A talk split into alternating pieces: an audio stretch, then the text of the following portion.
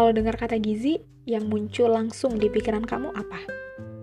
Hmm, biasanya ya, sebagian besar orang mungkin hanya berpikir tentang, oh ilmu yang buat ini ya, biar bisa turun berat badan bukan gitu. Atau ada yang bilang, itu tuh loh ilmu tentang hitung-hitungan kalori, kebutuhan harian gitu.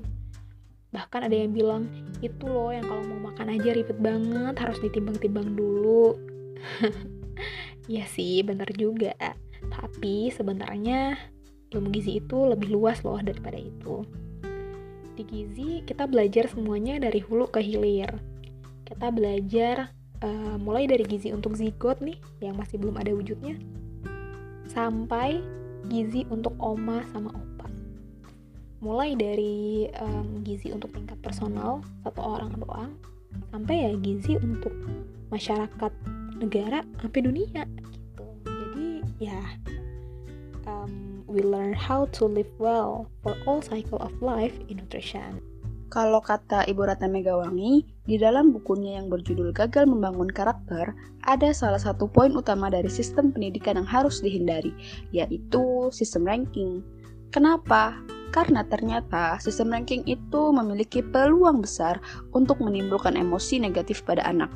Sistem ranking juga ternyata bisa melemahkan karakter seorang anak, terlebih untuk pendidikan anak usia dini.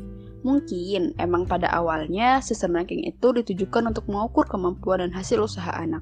Tapi lambat laun, disadari atau enggak, dari sistem ranking akan memunculkan suatu label.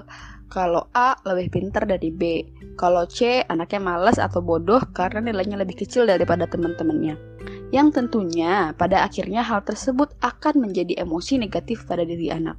Selain itu, dengan sistem ranking, anak akan terlatih untuk kompetitif dan egois, yang dalam artian tidak akan membiarkan orang lain mengalahkannya.